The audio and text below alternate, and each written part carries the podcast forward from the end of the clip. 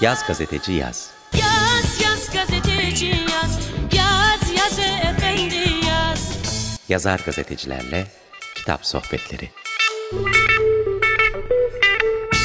Hazırlayan ve sunan Cem Erciyes.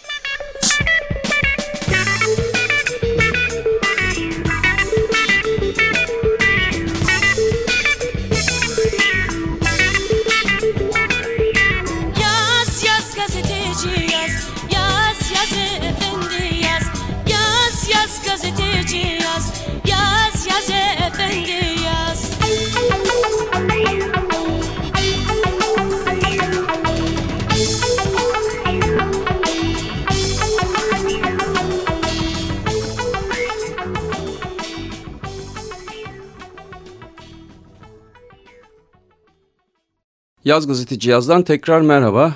Bugün e, konuğumuz gazeteci, yazar Pınar Öğünç. Pınar Öğünç'ü ben tabii e, radikal yıllarından tanıyorum. Birlikte çalıştık. E, o önce Cumartesi ekindeydi. Sonra gazetenin başka yerlerinde de e, görev aldı. E, ama e, çok e, eskiden yani 2006'da galiba ilk kitabı çıkmıştı. Jet, Jet Rejisör Çetin İnanç uzun yıllardır e, kitaplar e, da yayınlayan bir gazeteci. Kitaplı gazetecilerden yani. E, gazeteci yazar, yazar gazeteci tanımına çok uyan birisi. E, Pınar Öğünç hoş geldin. Hoş Önce bulduk. senin de bir sesini duyalım. Pınar, Pınar Öğünç için tabii şunu söyleyebilirim. Her zaman e, ya, e, üslubuyla, hikayeciliğiyle, anlatıcılığıyla e, yazdığı yazılara çok hoş bir dokunuş getiren ve e, bu özelliğiyle de bilinen birisi. Aynı zamanda da gazetecilik vicdanının gerektirdiği bütün şartları yerine getiren e, yaptığı işlerde bunu bu, bu ana kurala her zaman e, çok e, riayet eden dolayısıyla da çok e, saygıyla e, izlenen bir gazeteci arkadaşımız. Çok nazik bir kişisiniz. Güzel övdüm değil mi seni? Ama hak ediyorsun. Çok Şimdi. Pınar Öğünç'ün e, kim olduğuna dair resmi biyografisi yani kitabının içerisindeki biyografisi birkaç satır. Onu da e, dinleyicilerimizle paylaşayım. Ardından sohbete geçeriz. Pınar Öğünç 1975 İstanbul doğumlu. İstanbul Üniversitesi Siyasal Bilgiler Fakültesi Uluslararası İlişkiler Bölümü mezunu. 22 yaşında bir haber dergisindeki iş görüşmesine yazdığı hikayelerle giderek gazeteciliğe başladı. 1997'den bu yana çeşitli dergi ve gazetelerde muhabir, editör, köşe yazarı olarak çalıştı. Jet rejisör, rol yayınlarından ilk baskısı 2006'da, İnce İş, iletişim yayınlarından 2009'da, Asker Doğmayanlar, Hrant Dink Vakfı yayınlarından 2013'te çıktı. Aksi gibi adlı ilk öykü kitabı da yine iletişim yayınlarından 2015'te yayınlanmıştı.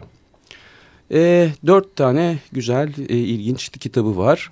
Şimdi bu biyografinin içerisindeki bir cümle beni e, ilgimi çekti. O da gazeteciliğe aslında koltuğunun altında hikayelerle bir yere başvurarak başlamışsın. En Evet. yeni kitabında bir hikaye kitabı oldu. Ne oldu? Çember tamamlandı gibi mi oldu? Evet yani o çember benim aslında. Ee, Gerçekten yani şimdi düşününce çok e, komik geliyor. Tatlı bir sahne bence. Bazıları bilgisayar çıktısı bile değildi yani. Dosya kağıdına yazılmış Çok hikayelerdi. güzel. Altına çizgi kağıtla koymuş muydun? Ee, o zaman e, rahmetli Fikri Ayıldız Nokta Dergisi'nin yayın yönetmeniydi. Kendisi de edebiyat çok sever. Hı hı. Muhtemelen sevimli buldu beni ve hani sen pazartesi gel dedi. Yani öyküleri de okumadı. Ama dosyaya bakınca, Bakınca. bir haber dergisine girerken e, tatlı bir giriş. Ama bu aslında çok da benim işte bu son 20 yıl içerisinde yapıp ettiğimin de özeti gibi. Yani başından beri e, hem edebiyat hem gazetecilik benim içimde duruyordu. Ayrı yerlerde değiller. Evet yani bu güzel yazmaktan demin bahsettiğimde e, kalemi iyi olmak vesaire diye tabir ettiğimiz şey bazen hani eski gazetecilerde kalemi iyi demek böyle iyi vurdu mu ses getiren filan ama biraz daha bizim dönemimizde meramını güzel anlatan biraz edebiyattan da beslenebilen e, gazeteci e, yazar anlamına geliyordu. Sen hep hikayelere zaten merak duyan birisin. E, mesela İnce İş adlı kitabın hani röportajlardan oluşur. O bir köşe yazısı kitabıydı. E, köşe yazısı gibi yayınlanıyordu cumartesi Evet. ekinde ama onlar aslında e, birer röportajdı. Böyle farklı meslekleri icra eden insanların hikayeleri vardı onun içinde. İlk kitabın jet rejisör Çetin İnanç tamamıyla bir e, hakikaten çok Yeşilçam'ın çok ilginç e, kişiliklerinden birinin e, hikayesi.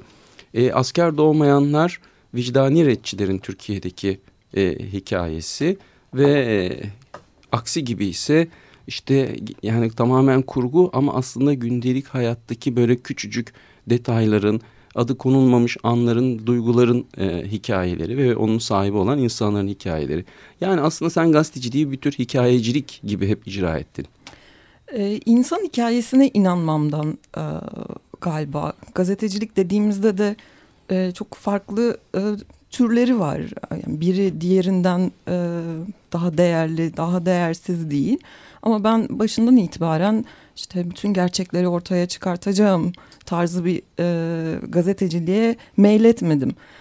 E, köşe yazısı yazdığım zamanda dahi Radikal'de o alanı kişisel fikirlerimi aktarmaktan çok e, bir gazeteci olarak görüştüğüm e, yine e, gazetecilik e, anlamında bir karşılığı olan bir politik sözü olan ama doğrudan insan hikayeleri e, üzerinden kurmayı tercih ettim. Yani köşe köşelerde e, benim için e, sorgusuz muhabirlik yapabildiğim, sorgusuz e, insan hikayesi aktarabildiğim kanallar da aslında. Evet. E, gazeteci olarak yaptığım üç kitapta da aslında ben e, yani sorularımla bile e, görünmem. Tamamen o insanlar anlatır. Bu e, Çet, İnanç olabilir. E, işte e, o dönemin Yeşilçam'ını anlatabilir. Ya da e, işte Mehmet Tarhan e, bir eşcinsel olarak nasıl vicdani reddini açıkladığını anlatabilir. E, hep e, İnsan. Tape, tape uzatmakla, Evet. kaydetmekle ilgili. Zaten hani röportaja e, tür olarak e, inanan gazetecilerdensin sen ve hani röportajın belki de cazibesi biraz öyle hele soru cevap e, söyleşide gazetecinin olabildiğince kendini geriye çektiği ve hani sözü birazcık da haberin öznesi olan kişi ve kişilere bıraktığı bir form. Bir de bana e, şey e, çok e, büyülü geliyor. E, kabaca bir hesap yaptım. E, 20 yıl içerisinde ben e, hiç tanımadığım hayatımda e, muhtemelen bin kişiyle falan bir gazeteci olarak görüşme yaptım. Bu ne demek?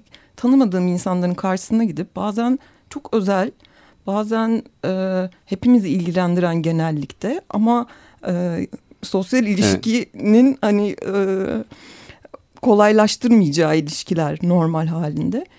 Karşılarına gittim, gazeteci olduğumu söyledim ve sorularımı sordum.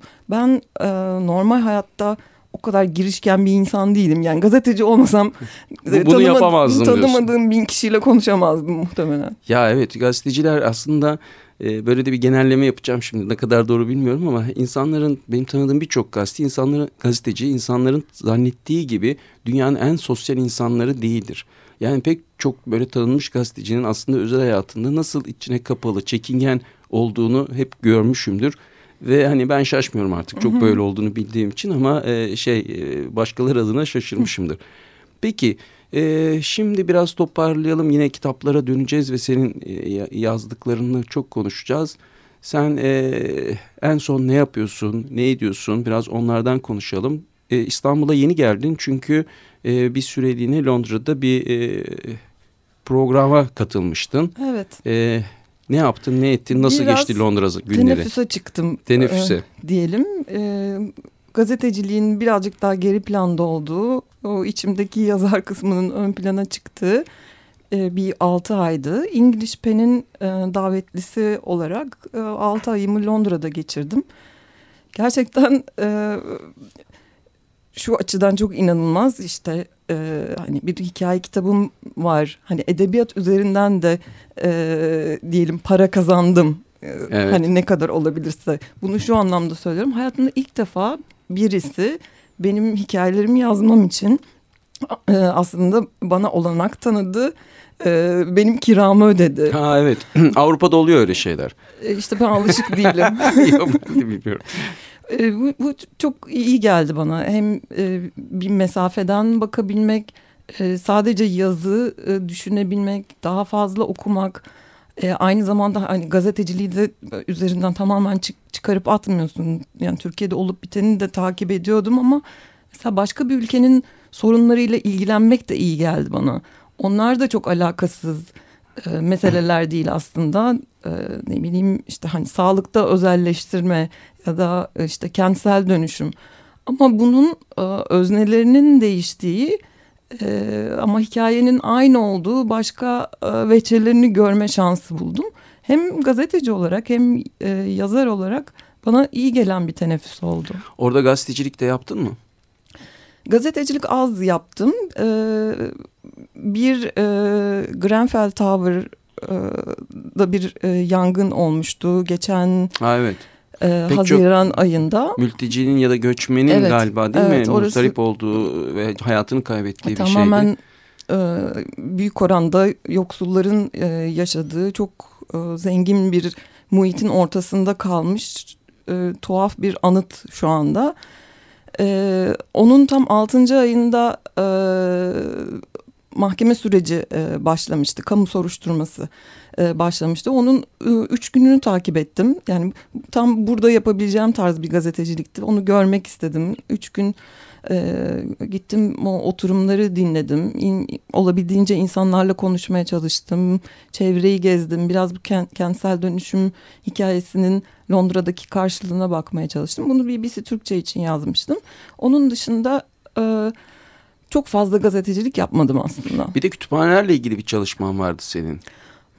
Ona çalışma denebilir mi? Kendiliğinden gelişti e, diyeyim. E, sonuçta e, hikayelere çalışmak için bir hani fiziki e, mekana ihtiyaç var ve ben birden kendimi e, Londra'nın halk kütüphanelerini e, gezerken buldum. Yani 20'den fazla halk kütüphanesine gitmişimdir. Bu bir süre sonra benim için e, bilmediğim bir şehri e, tanımanın da yöntemi oldu. Gerçekten e, sabahları emekliler gibi e, otobüse binip başka bir semte e, gittim. Gidiyordum. E, o semti gezdim. Ondan sonra da halk kütüphanesine oturdum. E, halk kütüphaneleri çok ilginç yerler. Bizdeki gibi de ödev yapan e, öğrenciler mi var ekseriyetle? Kimler var? Yok. Ödev yapan öğrenciler de var tabii ki ama hani bunlar ağırlıkta değil. Çok e, bir yazı da yazmıştım onunla ilgili. Hani çekilmeye hazır bir Ken Loach filmi gibi e, aslında. E, bazen e, yani kendi hikayelerime yoğunlaşmakta zorlandım. E, çok kalabalıklar, çok e, acayip bir e, trafiği var. E, işinden çıkmış e, bir hani yol işçisini de görüyorsunuz. E, işte günlerce e, evinde kalsa kimseyle konuşmayacak, yalnızlıktan muzdarip 85 yaşında bir kadın da gelip mesela eski dergileri karıştırıyor oluyor.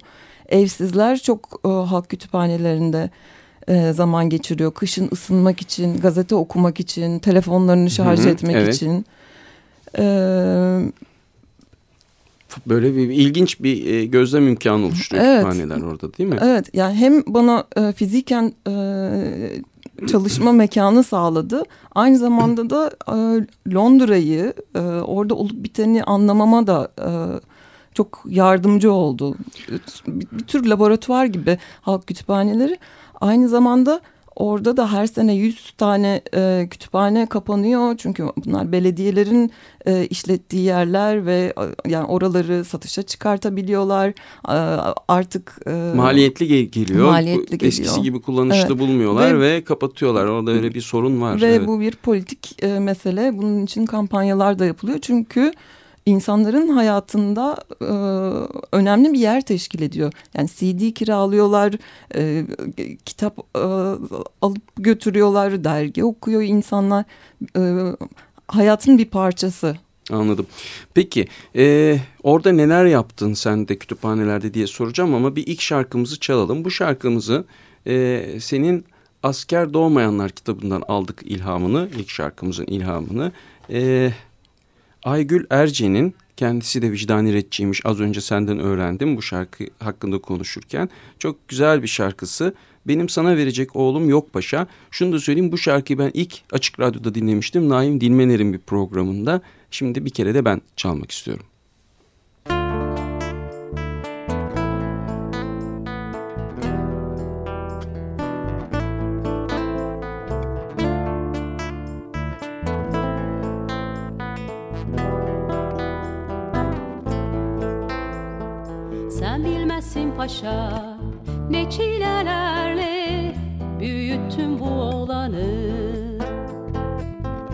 İstersen sor annene.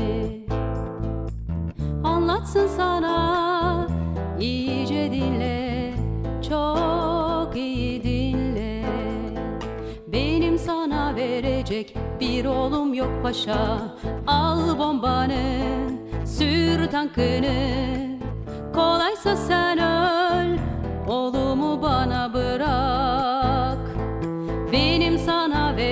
verecek bir oğlum yok paşa. Al bombanı Sür tankını. Kolaysa sen öl Oğlumu bana bırak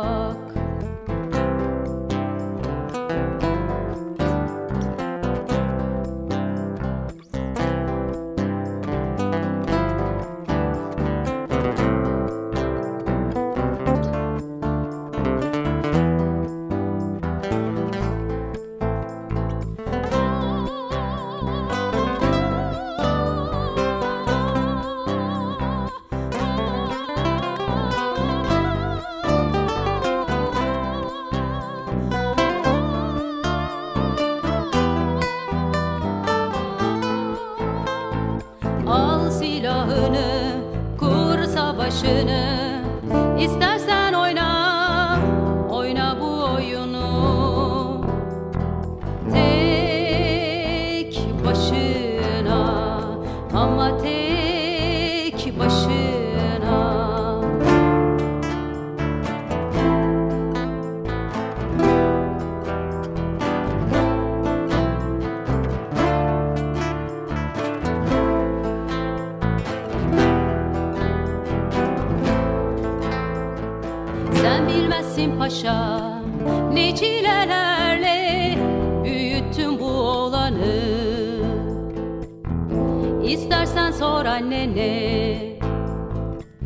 Anlatsın sana iyice dinle Çok iyi dinle.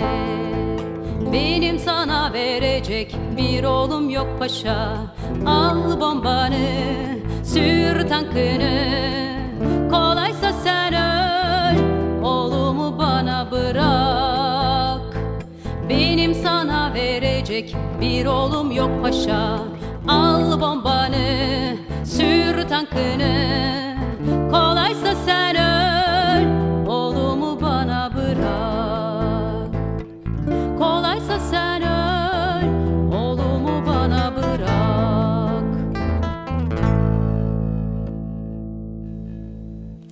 Peki asker doğmayanlardan devam edelim. Senin Hrant Vakfı için hazırladığın bir kitap. Bu e, tabii yani Türkiye'de dün, bugün ya da yarın e, antimilitarizmden ve hatta vicdan reçlikten konuşmak bir cesaret meselesi. Nasıl oluştu bu kitap? Bize kısaca anlatabilir misin? Neler var içinde? Ee, bu Hrant Vakfı'nın e, bana önerisiydi. Bu konuda çok fazla yazı yazdığım ve e, söyleşi yaptığım için e, bir seri başlatmak istiyorlardı. Ödül alan, Hrant Dink e, ödülü alan e, kişiler ve gruplarla ilgili bir kitap serisi. Bunun e, devamı geldi mi açıkçası emin değilim ama... E, Türkiye'deki vicdani red hareketi de Hrant Dink ödülüne layık görülmüştü. Evet. Ee, içinde 15 e, ayrı vicdani redçinin hikayesi var. Farklı sahiplerle e, zorunlu askerliği reddediyorlar. Evet. Ee, anarşist olan var, eşcinsel olan var. İslamcı olduğu için ve Türk Silahlı Kuvvetleri'ne hizmet etmek istemediği için e, reddini açıklamış olan var. E, feminist kadınlar var bu harekete destek e, zorunlu askerlik onları bağlamasa da e, bu hareketin asal parçalarından e, biri olan e, kadınlar. İnsanlar, kadınlar Hı hı. evet. Kitap nasıl karşılandı yayınlandığında? Ee, Bu da zor bir sorudur ha. Yani Evet. orta ortalık yıkılmadı tabii ki de anladım. İnsana bazen güzel birkaç tepki gelir, bazen bir iki eleştiri gelir. O, o, o zaman hani e, bir, bir iz bırakmış, biraz yaptığın iş karşılığını bulmuş gibi hissedersin. Hani onun E, için benim- soruyorum. e, en önemsediğim kısmı diyeyim vicdani retçiler ana akım medyada yer alabiliyorlarsa bile hep e, adli vakalar neticesinde oluyordu. Ya işte bir işkence haberi ya bir ahim e, davası sonucu ya Evet. işte tekrar tutuklama. Ama aslında bu insanlar neden böyle bir e, karar aldılar? Neden hayatlarının iskeletini değiştirecek, akışını değiştirecek? E, pratik anlamda söylüyorum. E, bu e, politik talepte diretiyorlar. E, bunu anlamak için e, çok geniş e, söyleşiler e, yoktu elimizde. Evet. Birçok e, söyleşide yani tamamında e, her kişinin çocukluğundan başladık aslında yani militarizmle nasıl e, tanıştılar, nasıl yüzleştiler. E, çünkü ya zorunlu as- askerliği reddetmek sadece e, işte orada fiziken bulunacak zamanla ilgili değil bir hani militarizm tartışması ve bu eğitim sisteminden başlıyor çekirdek aileden başlıyor milliyetçiliği konuşmadan erkekliği konuşmadan anlayabileceğimiz bir mevzu değil. Bunları teferruatlı konuşabildiğimiz için aslında zorunlu askerliği reddetmenin e, o e, talebin e, tahlilini yapabilmiş olduk. Bu e, anlamda bunun aktarıcısı olabilmek benim için önemlidir bu kitapta. Harika. Peki e, şimdi ilk kitabından bahsetmek istiyorum. Jet rejisör e, Çetin İnanç.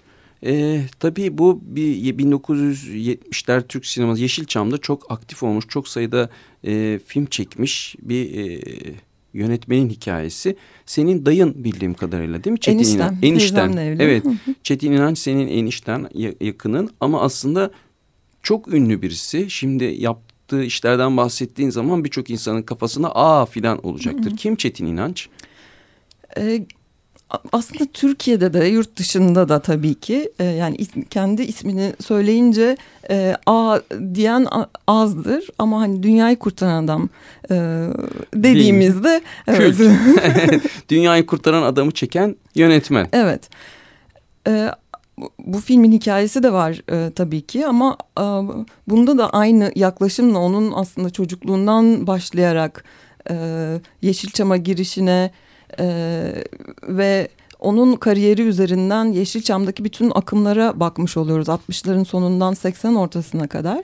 Çetin İnanç'ın özelliği e, sadece 19 yıl içinde 134 tane film çekmiş olması. Şey Hala en fazla film çekmiş dördüncü e, yönetmendir ve e, aksiyon filminden edebiyat uyarlamasına, dini filmden seks filmine, e, işte hani dünyayı kurtaran adam, e, Bonnie ve Clyde'ın uyarlaması, e, böyle çeşit çeşit yani Yeşilçam içerisinde o melodramlar dışında e, A sınıfı e, yönetmenlerin ve oyuncuların yer aldığı büyük yapımlar dışında aslında bir e, alt dalga var. E, işte onlara hani B sınıfı e, Ya, Hollywood filmler tabiriyle deniyor. B movies, Evet. B sınıfı filmler Evet. diyebiliriz. Evet.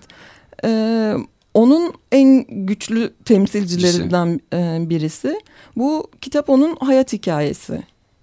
Tabii bu dünyayı kurtaran adam e, bir dönem çok e, popülerdi. Bence hala öyle ve sanıyorum ona olan ilgi devam ediyor. Mesela sen gelmeden önce Londra'da bir dünyayı kurtaran adam etkinliğine katıldın değil mi? Yanlış evet, bilmiyorum. Çok büyük tesadüf oldu. Yani insan ayarlamaya çalışsa e, beceremez.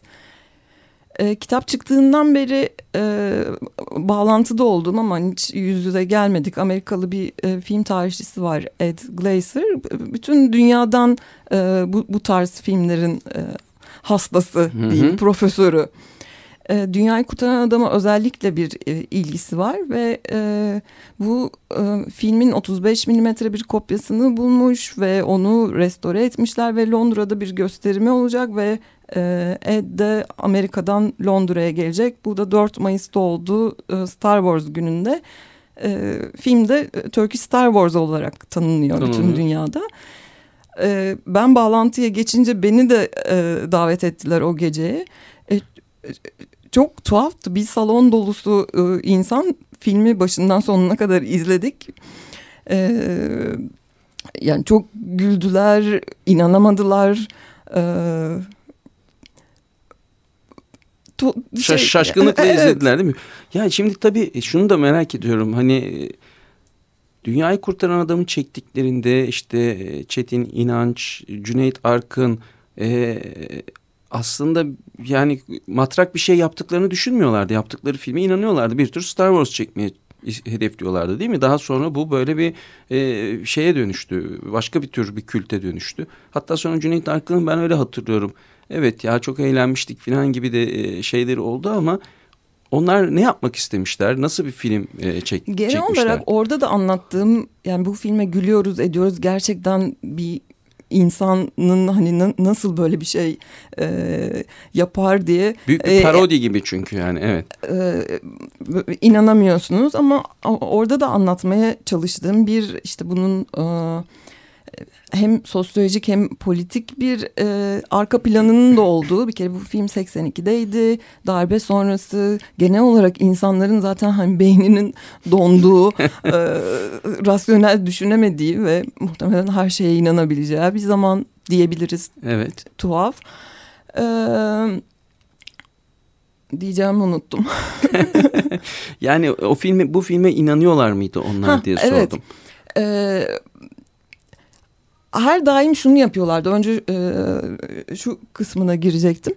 Bu o, bahsettiğimiz B sınıfı e, akım aslında e, genel olarak e, alt sınıfların e, Çetin İnanç'ın kendi tabiridir bu. Beş yıldızlı restoranlar vardır. E, ama ben kuru fasulye pilav yapıyorum. Çünkü yoksulların da yemek yemesi lazım. Ben hı. sinemanın kuru fasulye pilavcısıyım e, der. Enteresan. Bir tür hani işçi sınıfını eğlendirme e, filmleri yapıyordu aslında türü değişse de. Bu da uzayda geçen bir aksiyondu ve gayet ciddilerdi bunu yaparken.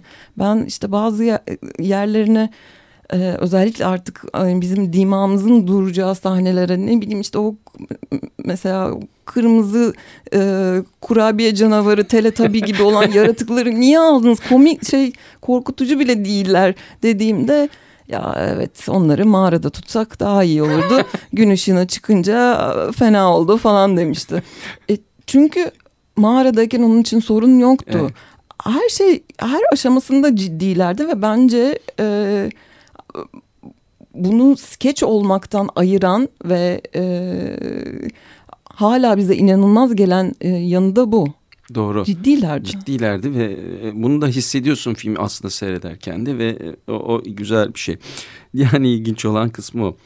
Ee, ince işte de e, değişik meslekler var. O nasıl doğdu? Ee, biz onu zevkle okuyorduk zaten e, Radikal Cumartesi'de. E, sonra da kitap halini aldı. Biraz onlardan bahseder misin? Evet, e, Radikal Cumartesi de bir köşe olarak başladı. Sonra kitaba dönüştürürken e, yeni eklemeler de yaptım. E, içinde 85 e, portre var e, diyeyim. Farklı mesleklerden insanlar ama hani hiçbirisi şey değil. E, işte e, sedefkar ustası falan hani ö- ö- ölmeye yatkın meslekler değil. Kaybolunan Kasap, meslekler değil. taksici, e, terzi hayatımızın içinde e, olan biz olan e, gazeteci de var içinde yani.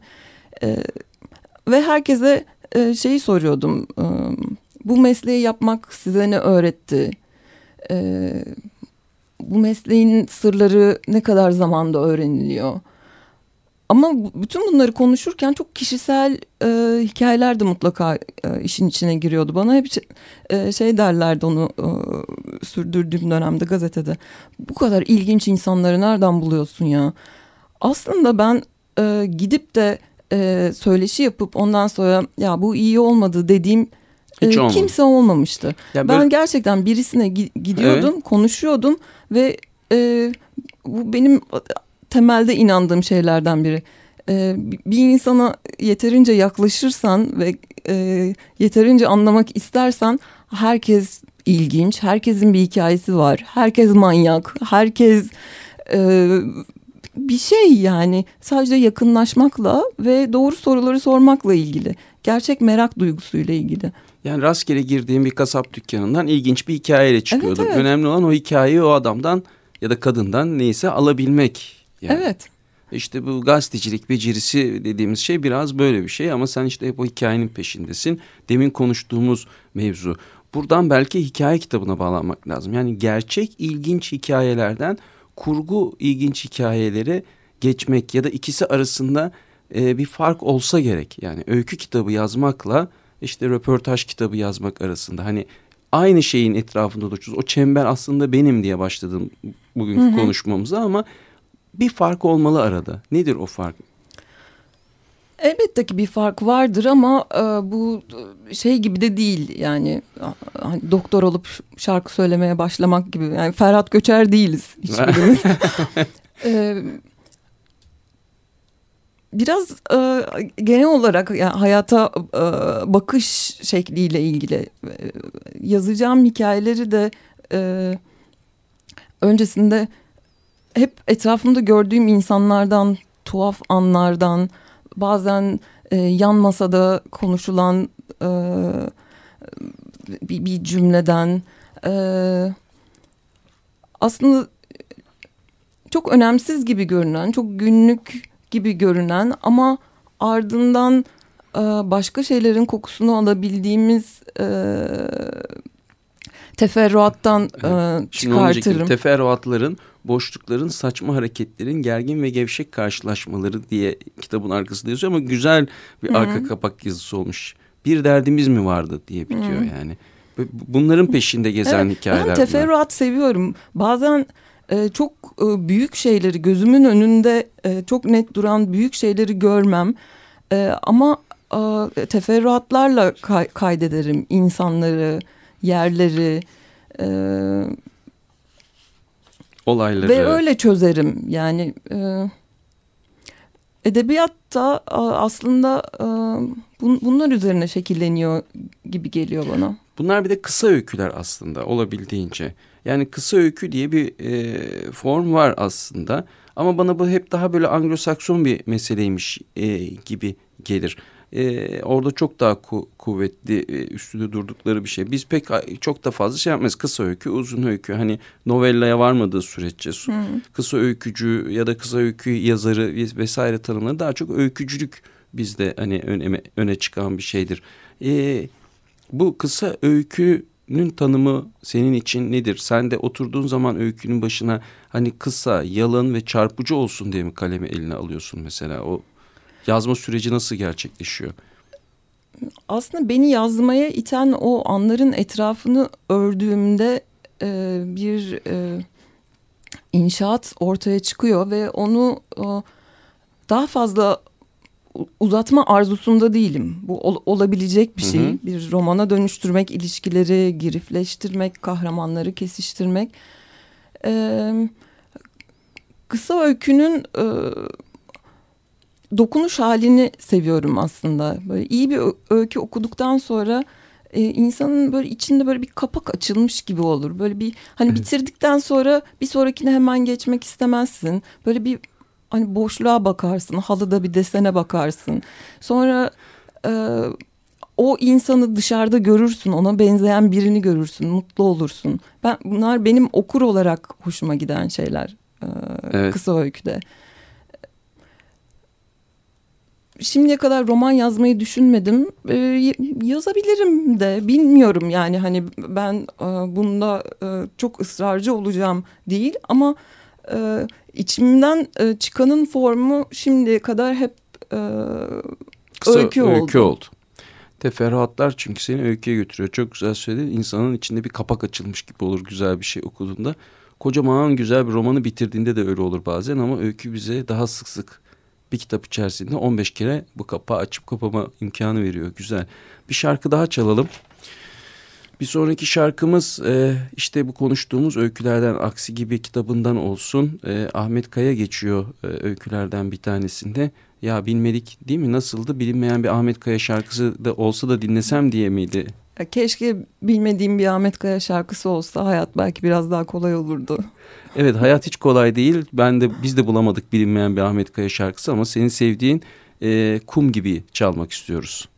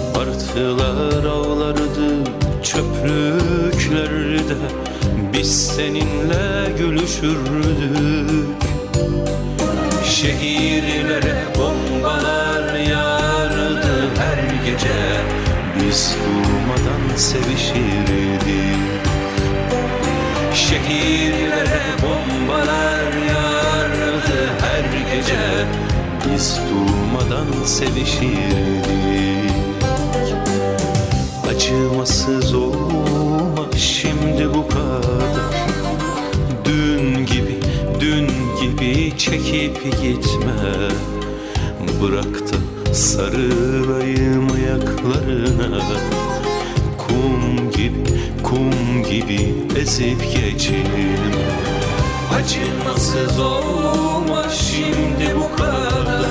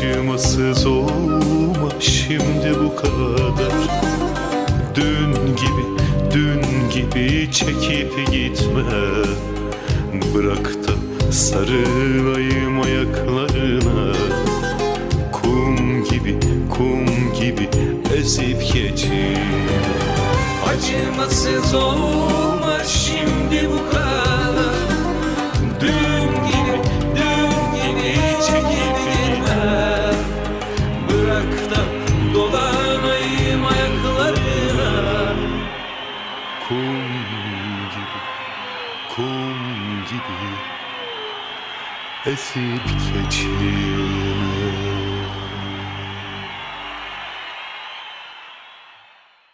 Evet, e, Yaz Gazeteci Yaz'da Pınar Öğünç'le sohbet etmeye devam ediyoruz. Pınar e, öykülerden bahsediyorduk kum gibi çalmadan önce. Şimdi e, şu sıralar neyle uğraşıyorsun? Yeni bir öy- öykü kitabı geliyor mu? Yeni öyküler yazıyor musun? Yazıyorum. Ee, aksi gibi 2015'te çıkmıştı. Ondan sonra son iki yıl öyle bir geçti ki e, gazeteci olarak çok başımı kaldırabildiğim bir zaman değildi. Hiç e, hikaye düşünemedim. Aldığım notlar vardı ama yazamıyordum. Bu da ayrıca beni bir huysuzlaştırıyordu. Yani dışarı yansımayan içimde kend, kendimde hissettiğim bir huysuzlukla dolanıyordum etrafta. Ee, böyle geri dönüp baktığımda e, hayatımda en güzel zamanlardan biri e, radikalden atıldıktan sonra elimdeki hikayeleri topladığım ve böyle arka arkaya hikaye yazdığım ve işte ondan sonra da aksi gibi hazırladığım e, günlerdi. Onun bir benzeri aslında e, bu son altı ayda oldu. E, yeni hikayelere çalışıyorum. Ara ara bir, bir tür yabancılık da geldi bana. İşte o kütüphaneler hikayesini anlattım. Ee, ne bileyim işte hani Chelsea kütüphanesinde etrafım o dediğim insanlarla çevriliyken e, ne bileyim Beylikdüzü gibi bir yerde geçen bir hikaye yazmak. Ama yani bunu e, ne bileyim Kadıköy'de yazsam daha mı manalı olacaktı ya da Evet. Beylikdüzü'nde mi yazmalı? Yani bu e, Kesinlikle öyle değil. Yani Beylikdüzü'nde geçen bir hikaye için Beylikdüzü'ne gitmeye gerek Evet. olmadığını biliyoruz ama yani evet egzantrik olduğu muhakkak. Yani Evet. Koş, bu o anın. Ama dediğim gibi çok e, uçları da vardı. Yani hani benim ilgilendiğim e, gazeteci olarak da hikayeci olarak da içine böyle hani sızmasını istediğim mevzuları uzantısını oralarda da gördüğüm için sonuçta kocaman bir sistemden söz ediyoruz. Yani yani kültürel farklılıklar olsa da e, dayatılan sistemin e, arazları her yerde aynı. E, hikaye kitabına çalışıyorum. Daha e, biraz daha yolum var. Bu yazı da e, öyle geçirmeyi e, planlıyorum. Daha önce yapmadığım bir şey bir e, çocuk kitabı e, yazdım. O bitiyor gibi. Evet. O böyle daha uzakta durduğum ve ürktüğüm e, bir alandı.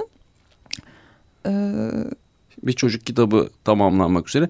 E, o belki ilk bundan sonra çıkacak ilk kitabın bir çocuk kitabı olacak. Çocuk çocuklara e, yönelik yazmanın yetişkinlerden daha zor olduğu söylenir. Öyle mi hakikaten?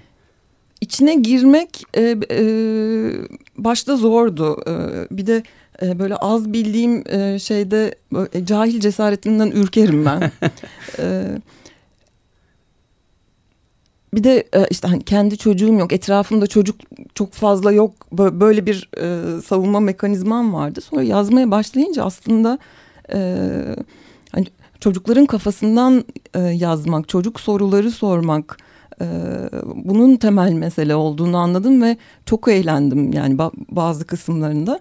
Ve yine e, yapıp ettiğimden uzakta olmayan bir şey e, çocuklara hayatın içindeki hikayeler e, yazar olma, hikaye yazma meselesi değil ama hayatın içindeki hikayeleri görme, çıkartma, e, kendi hikayeciklerini yazma e, üzerine böyle bir, bir e, kapı aralayabilecek e, bir e, kitap yazmaya çalıştım. O, o da bana ayrıca iyi geldi. Güzelmiş. Peki öyküler e, ne vaziyette? Yeni kitap, yeni öykü kitabı e, ne zaman okuruz? Takvimini Senden. bilmiyorum, e, bitirmiş de değilim. E, biraz hani bu e, yaza da bağlı ama hani çok ilerledim ve elimde hazır notlarım da var. E, önümü görebildiğim bir kısmı var. Ama takvimi gerçekten bilmiyorum. Tabii yani bu e, seçim satımı haline girmiş Türkiye'de huzurlu bir yaz geçirip öykülerini bitirip yayıncına da sonbahar gibi teslim edeceğini eh, ummak biraz iyimserlik olacak ama Evet. umuyorum böyle ge- gelişir her şey. Evet. Peki E, bir yandan da geçinme meselesi var çünkü. evet yani işte tam da son düzlüğe girmişken birazcık daha mesleki mevzulardan hafif bahsedelim. Sen en son Cumhuriyet Gazetesi'nde Evet. yazıyordun. E, sonra oradan ayrılmıştın bildiğim kadarıyla. Şu sıralar ne yapıyorsun gazetecilik nasıl gidiyor? Ee, geçen yaz evet ben e, Cumhuriyet'i kendi e, arzumla bıraktım e, aslında. Biraz yorulduğumu hissettim bir sürü e, sebepten ötürü. E, Yani bu komple bir inanç yitimi değil ama o, o sırada bir sürü şeyin üst üste gelmesinden e, şöyle bir çıkmaz da yaşadım aslında. E, bu dediğim gibi aşılamaz bir şey değil. Benim hani başından beri yaptığım e, gazetecilik bu insan hikayelerini aktararak birilerinin fikrini değiştirebilmek üzerine kuruluydu mantığı Evet. aslında. E, ben çok gençten, çok insandan hani mail, mektup aldım e, ya da karşılaştığımızda da bana mesela belli konularda fikirlerini tekrar gözden geçirmeye yardımcı olduk, ol- olduğumu söylemişlerdi. Bu benim için çok Hem- çok kıymetli. Ne bileyim askerlik mevzuunda, e, LGBT e, mevzuunda, e, her şeyin keskinleştiği ve kutuplaştığı dönemde biraz kendi yaptığım e, gazeteciliğin e, gücünü yitirmeye başladığını e, hissettim. Çünkü e, Kimsenin hiçbir şeyden etkilenmeye ya da bir şey değiştirmeye çünkü niyeti oku- yok. okumuyorlar bile yani hani e, şey e, farklı görüşte olan insanlar e, Diğerlerini okumuyor. o- okumuyor. O anlamda da e, okurda bir e, kutuplaşma oldu. Ya da aynı mahallenin içerisindeki insanlar bile sadece onlara ne kadar cephane sağlayacağınla ilgileniyor. Evet. Yani bir de şöyle bir ara başlığı da var. Ee, elbette ki aynı şekilde düşündüğümüz insanlarla da paylaşacak çok şeyimiz var. Ama öfkelenmemize neden olacak e, çok fazla şey oldu son birkaç yılda. Ee, insanlar haklı olarak daha içini soğutacak, böyle daha sert e, ya- yazılar okumak, e, öyle şeyler görmek istiyor gibi e, hissediyorum yani. Hmm, Öyle zaten galiba öyle. Ee, peki yani şu anda gazetecilik icra etmiyorsun. Dolayısıyla bu koşullar hala e, baki olduğu için e, e, benim araya bu e, Londra hikayesi e, girdiği için hani kendiliğinden bir ara verilmiş oldu ve gerçekten hani çok e, kısa bir süre önce geldim. E, Bakalım diyorsun, ne olacak? Tamamen hayatımdan çıkartmış değilim. Bu çok büyük bir parçayı içimden ya bir çıkartmak de o senin olur. zanaatin e, zaten Evet. yani mesleğin ve yapmayı en iyi bildiğin şey. Hı hı. Dolayısıyla e, mümkün olacaksa bunu yapmaya devam etmek istersin diye düşünüyorum. Evet. Peki geçmiş e, güzel günleri özlüyor musun? Hangi, hangilerini? yani yazdık işte demin söyledin yazdıklarının hiç olmazsa birilerine dokunabildiği bir, takım fikirleri değiştirebildiği farklı insanlara da ulaşabildiğin işte böyle gazetelerin olduğu hafta sonu eklerinin olduğu günleri. Ee, evet tabii ki yani bu bunu hani müstakil bir mesele olarak değerlendirmek zor bir sürü açıdan böyle nefesimizin e, daraldığı e, günlerdeyiz. E, bunun medyaya yansımaları da çok ağır tabii ki. E, bu süreçte birkaç şey e, bana çok dokunuyor. Bir tanesi bunun sadece gazetecilerle ilgili bir mesele olarak ele alınması. Yani onların meslekleriyle ilgiliymiş gibi. Oysa aynı zamanda haber verme kadar gazetecilik yapma ne kadar bir haksa haber almak da bir e, hak ve bu talebin e, bir sürü şeyin içinde erimesi ya da e, sivrilerek yükselmemesi e, bana dokunuyor diyeyim. Yani peki bu sü- sürgit böyle mi gidecek? Ee, senin gözlemin ne bu konuda? Hani Türkiye'deki medya ortamı yani bu dünyadan da bağımsız değil aslında tabii ki. Yani e, bi- bizde tabii ki e, siyasi koşullardan dolayı hareket alanı gittikçe daralıyor ama hani gazetelerin, televizyonların e, güç yitirmesi, bizim bildiğimiz geleneksel medyanın teknoloji karşısında dayanıksızlaşması vesaire bunlarla da alakalı. Tabii dünyada da siyasi e, rüzgarlar bizimkine paralel yönlerden esiyor. E, bu hani e, sadece bize ait bir mesele değilmiş gibi geliyor bana. E, yani biz bir yandan baktığımız zaman biz gazeteciler için işimizi yapamıyoruz vesaire ama aslında demin söylediğin gibi hani o, o, o, o haberlerden e, yararlanacak olan haberleri okuyacak olan insanlar için de bir sıkıntı ama daha e, nereye doğru gider bu e, medya okur ilişkisi? İnsan bunu merak ediyor. Senin görüşünü almak istiyorum bu konuda. Ee, bunun küresel bir mesele olduğu e, kesin. Ee, yeni mecralar, yeni e, yöntemler e, gazetecilik kendine icat etmeli, kendini geliştirmeli. O, o anlamda öyle bir e, mesuliyet e, var. Ama yorum yapmak e, zor. Türkiye gibi bir ülke için yani e, ben herhangi bir konuda önümüzü görebildiğimizi e, zannetmiyorum. Buna e, medya kısmı da dahil aslında. Peki son bir sorum kalmış sana sormak istediğim. Birden böyle e, yine şeyle ilgili belki ama farklı bir yere sıçrıyorum. Hı. Senin e, masa üstünü hatırlıyorum çalıştığımızda bilgisayarın. Böyle kum gibi e, dosyalarla doluydu. Benimkine de benziyor açıkçası yani e, çok yadırgamadım. E, sonra e, seni hatırlıyorum e, sokakta terk edilmiş kanepe re- resimleri çektiğini görmüştüm. Ne- oluyor bunları biriktiriyorum filan demiştin. Şimdi onları birbirleriyle eşleştiriyorum. O e, bir dosyaların içinde kim bilir böyle ilginç indirilmiş, biriktirilen ne fotoğraflar ne dosyalar vardır. Böyle neler var mesela böyle kanepe resimleri gibi biriktirdiğin başka enteresan şeyler var mı? Onlardan da bize bir şey çıkar mı acaba önümüzdeki zamanlarda? Bilmiyorum gerçekten o sokağa atılmış kanepeler çok hüzünlü geliyor bana. Yani üzerlerinden böyle ne olaylar ne ne günler iyi kötü neler yaşanmış böyle bir sokakta Terk e, edilmiş bir terk kanepe. edilmiş. E, Gerçekten ama bir, bir dönem kafayı takmıştım onların fotoğraflarını çekiyordum. E, genel olarak fotoğraf çekmek hoşuma gidiyor. E, Instagram mesela bana iyi gelen e, bir şeydir.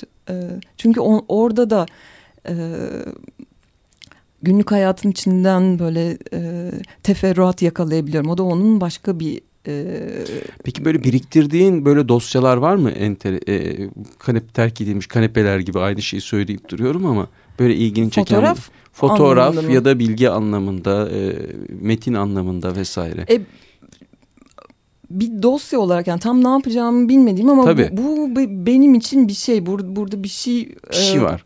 var dediğim birkaç dosya var şimdi hani onla- onları söylemeyeyim. Çünkü hani üzerine yazabilirim dediğim ve e, şey e, haber ya da e, ne bileyim e, Öyküye belki ta- tabela fa- dönüşebilecek, falan evet. topladım. Gerçekten ben avcı ve toplayıcıyım o, o anlamda. E, hem e, bilgisayarın masa üstünde hem fiziken masamın üzerinde e, teferruat boldur. Anladım. Peki Pınar Önç, e, bu e, teferruatların, e, hikayelerin e, yazarı, avcı ve toplayıcı Pınar Öğünç'e bugün bizimle birlikte olduğu için çok teşekkür ediyorum. Programı yavaş yavaş bitiriyorum. E, teşekkürler Pınar Öğünç. E, yazmaya devam et diyorum. Ve e, seninle kararlaştırdığımız son şarkıyı anons etmek istiyorum. E, bu üçüncü şarkımızda e, şeyden geliyor. E, Jet rejisör Çetin İnanç kitabına bir gönderme olsun istedik. Bonnie ve e, Clyde'ın da bir uyarlamasını çekmiş Evet bir Cemo yönetmen. ve Cemile. Cemo ve Cemile. Evet. Cemo ve Cemile'nin şarkısı değil ama biz Bonnie ve Clyde'ı çalacağız. Serge Gainsbourg ve Brigitte Bardot'dan geliyor. Bonnie ve Clyde. Hoşçakalın. Hoşçakalın.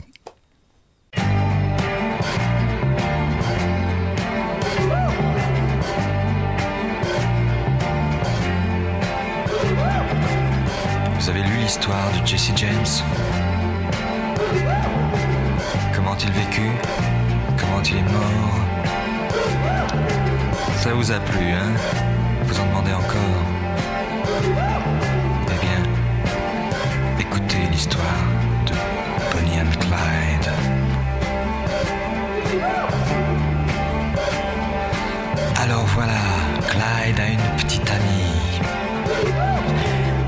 belle et son prénom c'est Bonnie, À eux deux, ils forment le gang Barrow. Leur nom Bonnie Parker, est Clyde Barrow. Bonnie and Clyde. Bonnie and Clyde. Moi, lorsque j'ai connu Clyde autrefois, c'était un gars loyal, honnête et droit. Il faut croire que c'est la société qui m'a définitivement abîmé. Bonnie and Clyde. Bonnie and Clyde. Qu'est-ce qu'on n'a pas écrit sur elle et moi? Prétend que nous tuons de sang-froid. C'est pas drôle, mais on est bien obligé. De faire taire celui qui se met à gueuler. Bonnie and Clyde. Bonnie and Clyde. Chaque fois qu'un policeman se fait buter, Qu'un garage ou qu'une banque se fait braquer. pour la police, ça ne fait pas de mystère. C'est signé Clyde Barrow. Bonnie Parker. Bonnie and Clyde. Yaz yaz yaz yaz yaz Yaz gazeteci yaz. Yaz yaz gazeteci yaz Yaz yaz efendi yaz Yazar gazetecilerle kitap sohbetleri. Hazırlayan ve sunan Cem Erciyes.